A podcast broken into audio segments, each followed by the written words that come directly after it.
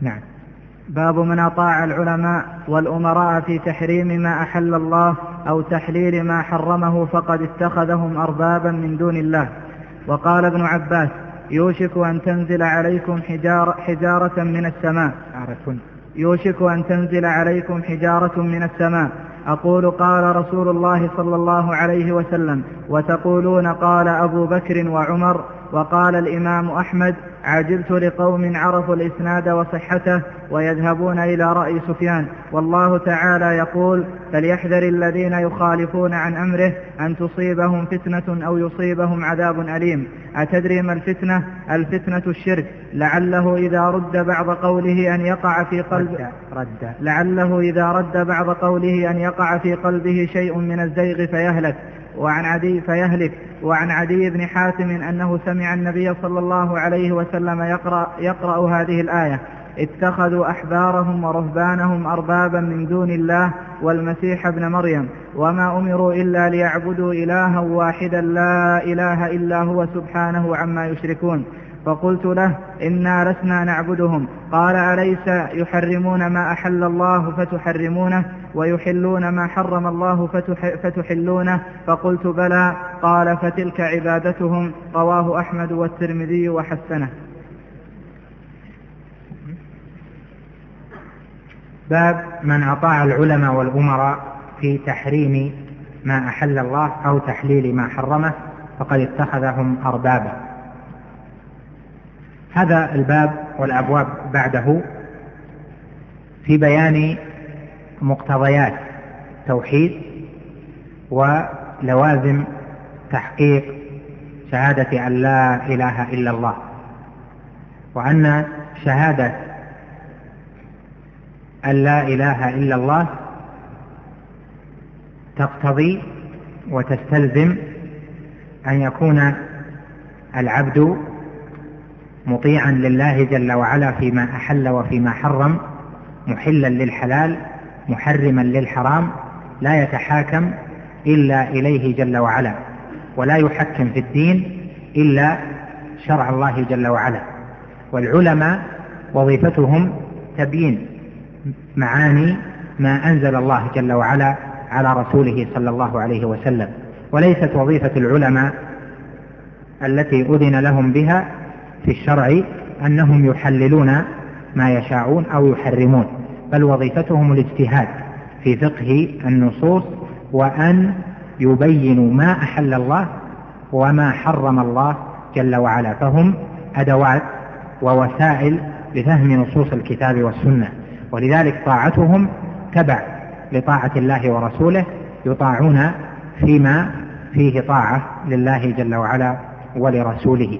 وما كان من الأمور الاجتهادية فيطاعون لأنهم هم أفقه بالنصوص من غيرهم فتكون طاعة العلماء والأمراء من جهة الطاعة التبعية لله ولرسوله. أما الطاعة الاستقلالية فليست إلا لله جل وعلا. حتى طاعة النبي عليه الصلاة والسلام إنما هي تبع لطاعة الله جل وعلا. فإن الله هو الذي أذن بطاعته وهو الذي أمر بطاعة رسوله صلى الله عليه وسلم. وهذا معنى الشهادة له بأنه رسول الله. قال جل وعلا من يطع الرسول فقد أطاع الله. وقال جل وعلا وما أرسلنا من رسول إلا ليطاع بإذن الله. فإذا الطاعة الاستقلالية هذه من العبادة وهي نوع من أنواع العبادة فيجب إفراد الله جل وعلا بها. وغير الله جل وعلا فإنما يطاع لأن الله جل وعلا أذن بطاعته ويطاع فيما أذن الله به في طاعته. فالمخلوق لا يطاع في معصية الله لأن الله لم يأذن أن يطاع مخلوق في معصية الخالق جل وعلا وإنما يطاع فيما أطاع الله جل وعلا فيه على النحو الذي يأتي. إذا هذا الباب عقده الشيخ رحمه الله ليبين أن الطاعة من أنواع العبادة بل إن الطاعة في التحليل وفي التحريم هذه هي معنى اتخاذ الأرباب حيث قال الله جل وعلا اتخذوا أحبارهم ورهبانهم أربابا من دون الله والمسيح ابن مريم. وما سيأتي من بيان حديث عدي بن حاتم رضي الله عنه. قال رحمه الله باب من أطاع العلماء والأمراء. العلماء والأمراء هم أولو الأمر في قوله جل وعلا وأطيعوا الله وأطيعوا الرسول وأولي الأمر منكم. قال العلماء أولو الأمر يشمل من له الأمر في حياة الناس في دينهم وهم العلماء وفي دنياهم وهم الأمراء. وقد قال هنا جل وعلا وأولي الأمر منكم ولم يكرر فعل الطاعة. قال ابن القيم وغيره دل هذا على أن طاعة أولي الأمر ليست استقلالا وإنما يطاعون في طاعة الله ورسوله صلى الله عليه وسلم. فإذا أمروا بمعصية فإنه لا طاعة لمخلوق في معصية الخالق. والأمور الاجتهادية التي ليس فيها نص من الكتاب والسنة فإنهم يطاعون في ذلك لما أذن الله به في ذلك ولما في ذلك من المصالح المرعية في الشرع. إذا من أطاع العلماء والأمراء هنا ذكر هذا الباب لأجل أن الطاعة نوع من أنواع العبادة. وهذه العبادة يجب أن يفرد الله جل وعلا بها. فمن أطاع غير الله على هذا النحو الذي ذكره الشيخ فقد أشرك الشرك الأكبر بالله جل وعلا. قال من أطاع العلماء والأمراء في تحريم ما أحل الله. يعني في تحريم الذي أحل الله. فيكون هناك حلال في الشرع فيحرمونه. يحرمه العالم أو يحرمه الأمير فيطيعه الناس وهم يعلمون أنه حلال لكن يطيعونه في التحريم. والحلال يعني الذي أحله الله. أحل الله أكل الخبز. فيقولون الخبز حرام عليكم دينا. فلا تأكلوا الخبز تدينا. ويحرمونه لأجل ذلك. هذا طاعة لهم في تحريم ما أحل الله. قال أو تحليل ما حرم الله فقد اتخذهم أربابا. أو, تح أو تحليل ما حرم الله يعني أحلوا ما يعلم أن الله حرمه. حرم الله الخمر فأحله العلماء أو أحله الأمراء. فمن أطاع عالما أو أميرا في اعتقاد أن الخمر حلال وهو يعلم أنها حرام وأن الله حرمها فقد اتخذه ربا من دون الله جل وعلا. إذا هنا فيه هذا الباب حكم وهناك شرط. فالحكم قوله في آخره فقد اتخذهم أربابا وهو جزاء الشرط. والشرط قوله من أطاع العلماء والأمراء وضابط هذا الشرط ما بينهما وهو قوله في تحريم ما أحل الله أو, تحري أو تحليل ما حرمه وهذا يستفاد منه يعني من اللفظ أنهم عالمون بما أحل فحرموا طاعة عالمون بما حرم فأحلوه طاعة لأولئك. وقوله في آخره فقد اتخذهم أربابا ذلك لأجل آية سورة براءة. قال اتخذوا أحبارهم ورهبانهم أربابا من دون الله وحديث عدي بن حاتم في ذلك. والأرباب جمع الرب. والرب والإله لفظان يفترقان لأن الرب هو السيد الملك المتصرف في الأمر. والإله هو المعبود.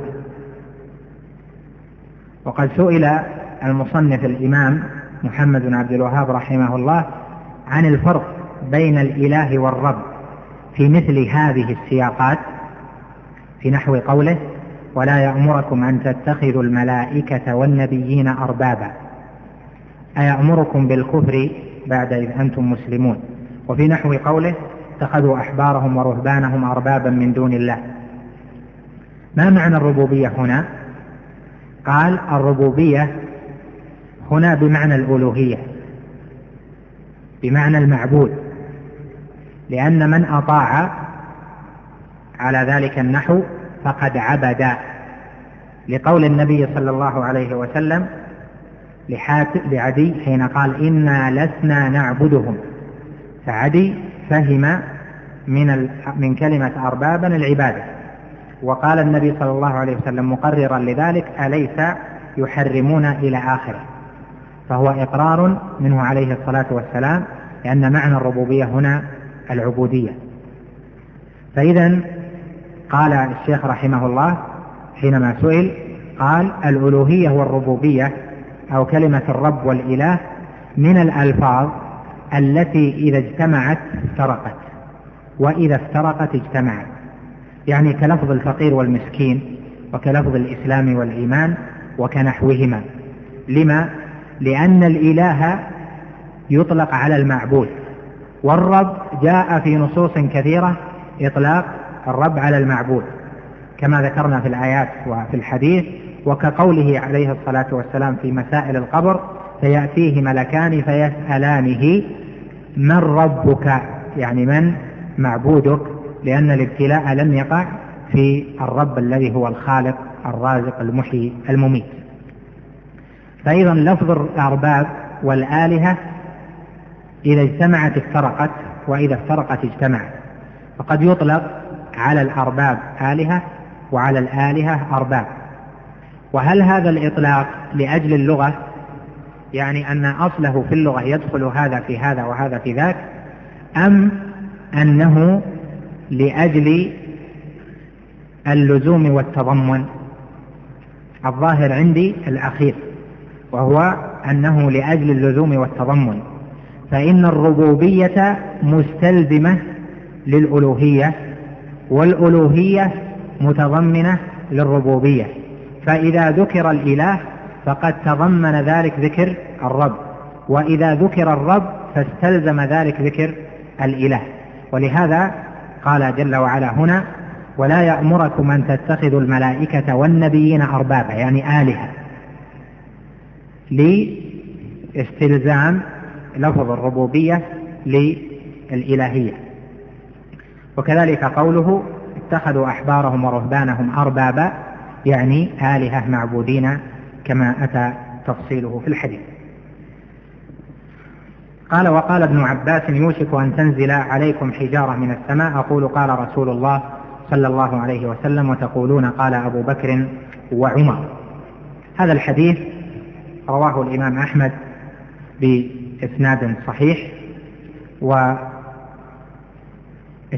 عن عبد الرزاق عن معمر عن طاووس عن ابن عباس أو نحو ذلك. وقد ذكر إسناده شيخ الإسلام ابن تيمية في موضع في الفتاوى بنصه فذكر الإسناد والمتن.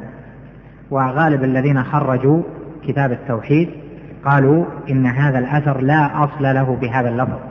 وهذه جراءة منهم حيث إنهم ظنوا أن كل كتب الحديث بين أيديهم ولو تتبعوا كتب أهل العلم لوجدوا أن إسناده والحكم عليه موجود في كتبهم.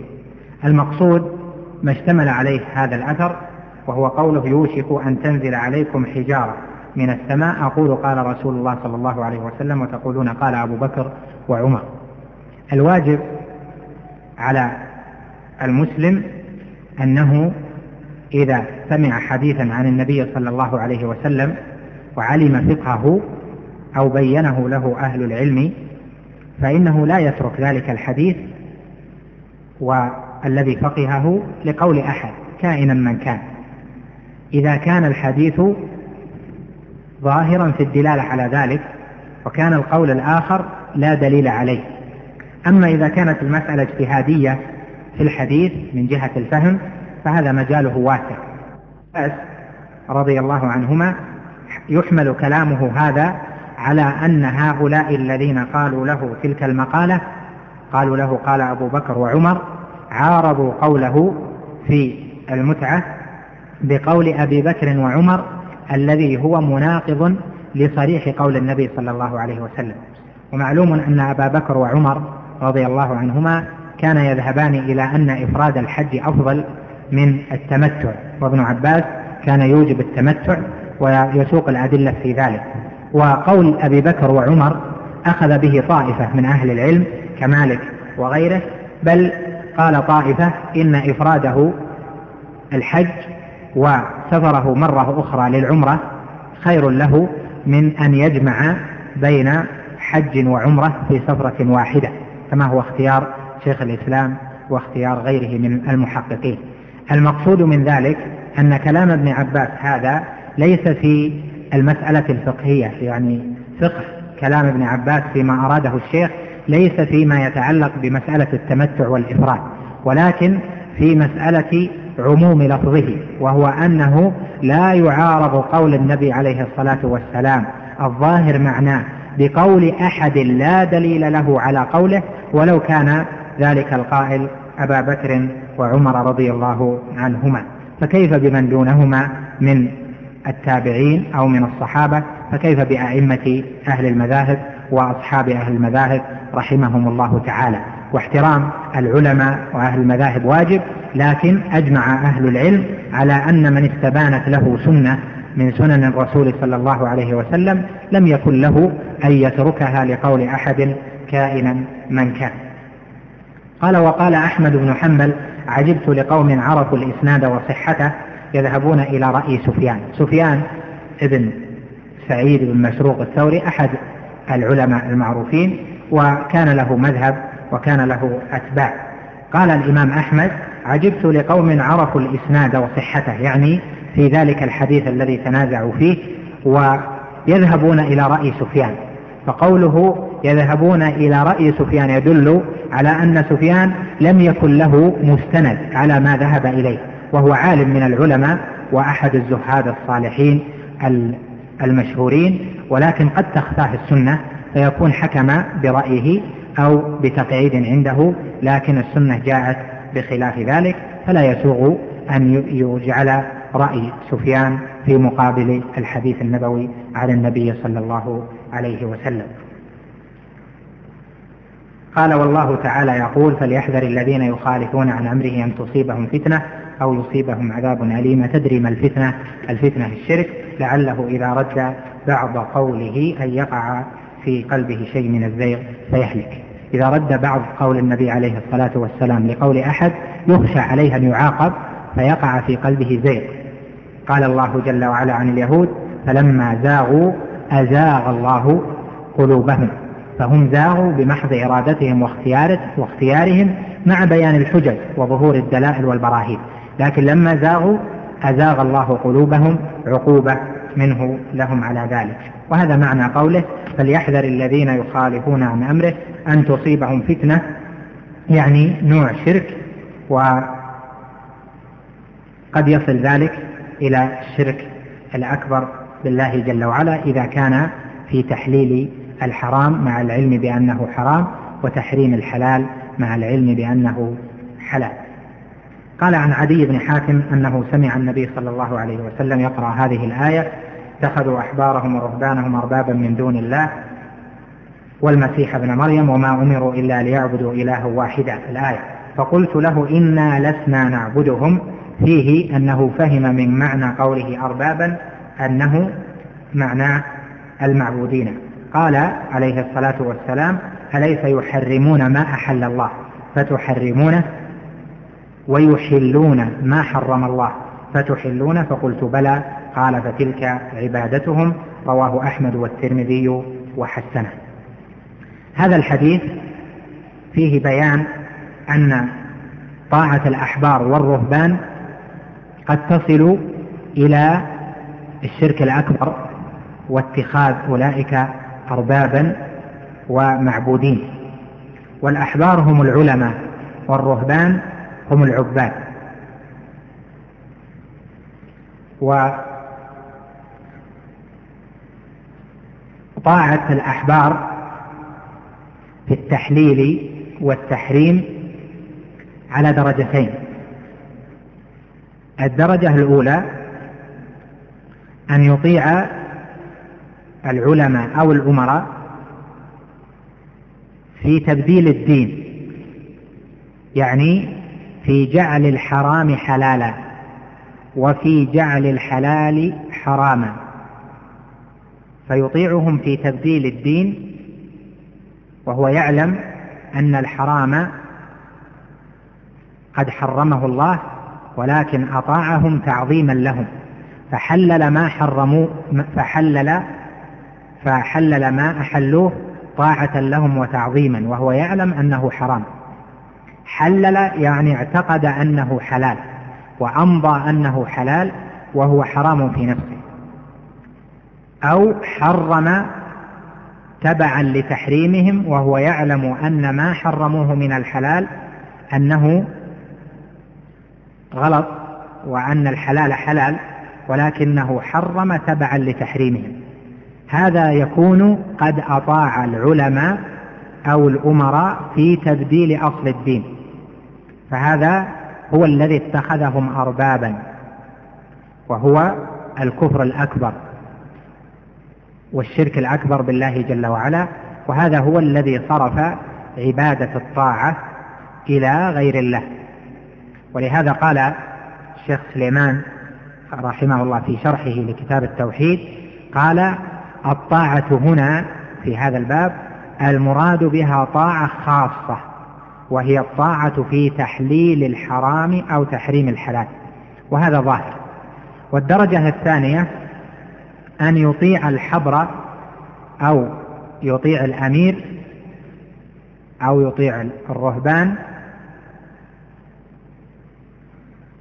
في تحريم الحلال أو في تحليل الحرام من جهة العمل. أطاع وهو يعلم أنه عاصي. بذلك ومعترف بالمعصية لكن اتبعهم عملا. وقلبه لم يجعل الحلال حراما. وقلبه لم يجعل طاعة أولئك في قلبه في قلبهم الحلال حراما متعينة أو سائغة. ولكن أطاعهم حبا له في المعصية أو حبا له في مجاراتهم ولكن في داخله الحلال هو الحلال والحرام هو الحرام فما بدل الدين. قال شيخ الإسلام رحمه الله هذا له حكم أمثاله من أهل الذنوب. وهاتان الدرجتان هي من كلام شيخ الإسلام ابن تيمية على هذه الآية. هذا وأمثاله له حكم أمثاله من أهل الذنوب والعصيان لأنه ما اعتقد لأنه ما حرم الحلال. ولا أحل الحرام وإنما فعل الحلال وإنما فعل الحرام من جهة العصيان. وجعل الحلال حراما من جهة العصيان لا من جهة تبديل أصل الدين. والرهبان عبادتهم هي عبادة العباد. ويريد الشيخ رحمه الله بذكر الرهبان وبإراده للآية التنبيه على أن الطاعة في تحليل الحرام وتحريم الحلال جاءت أيضا من جهة الرهبان من جهة العباد. وهذا عند المتصوفة والطرق الصوفية وأهل الغلاة. وأهل الغلو في التصوف والغلاة في تعظيم رؤساء الصوفية. فإنهم أطاعوا مشايخهم وعباد. والعباد والأولياء الذين زعموا أنهم أولياء أطاعوهم في تغيير الملة فهم يعلمون أن السنة هي كذا وكذا وأن خلافها بدعة يعلمون ذلك فأطاعوا تعظيما للشيخ تعظيما للعابد أو يعلمون أن هذا شرك في القرآن والدلائل عليه ظاهرة لكن تركوه وأباحوا غيره وأحلوا تركوه وأباحوا ذلك الشرك وأحلوه لأن شيخهم ومقدمهم ورئيس طريقتهم أحله. وهذا كان في نجد كثيرا إبان ظهور الشيخ بدعوته وهو موجود في كثير من الأمصار وهو نوع من اتخاذ أولئك العباد أربابا من دون الله جل وعلا. وهذا المقام أيضا فيه تفصيل على نحو الدرجتين اللتين ذكرتهما عن شيخ الإسلام رحمه الله. نعم.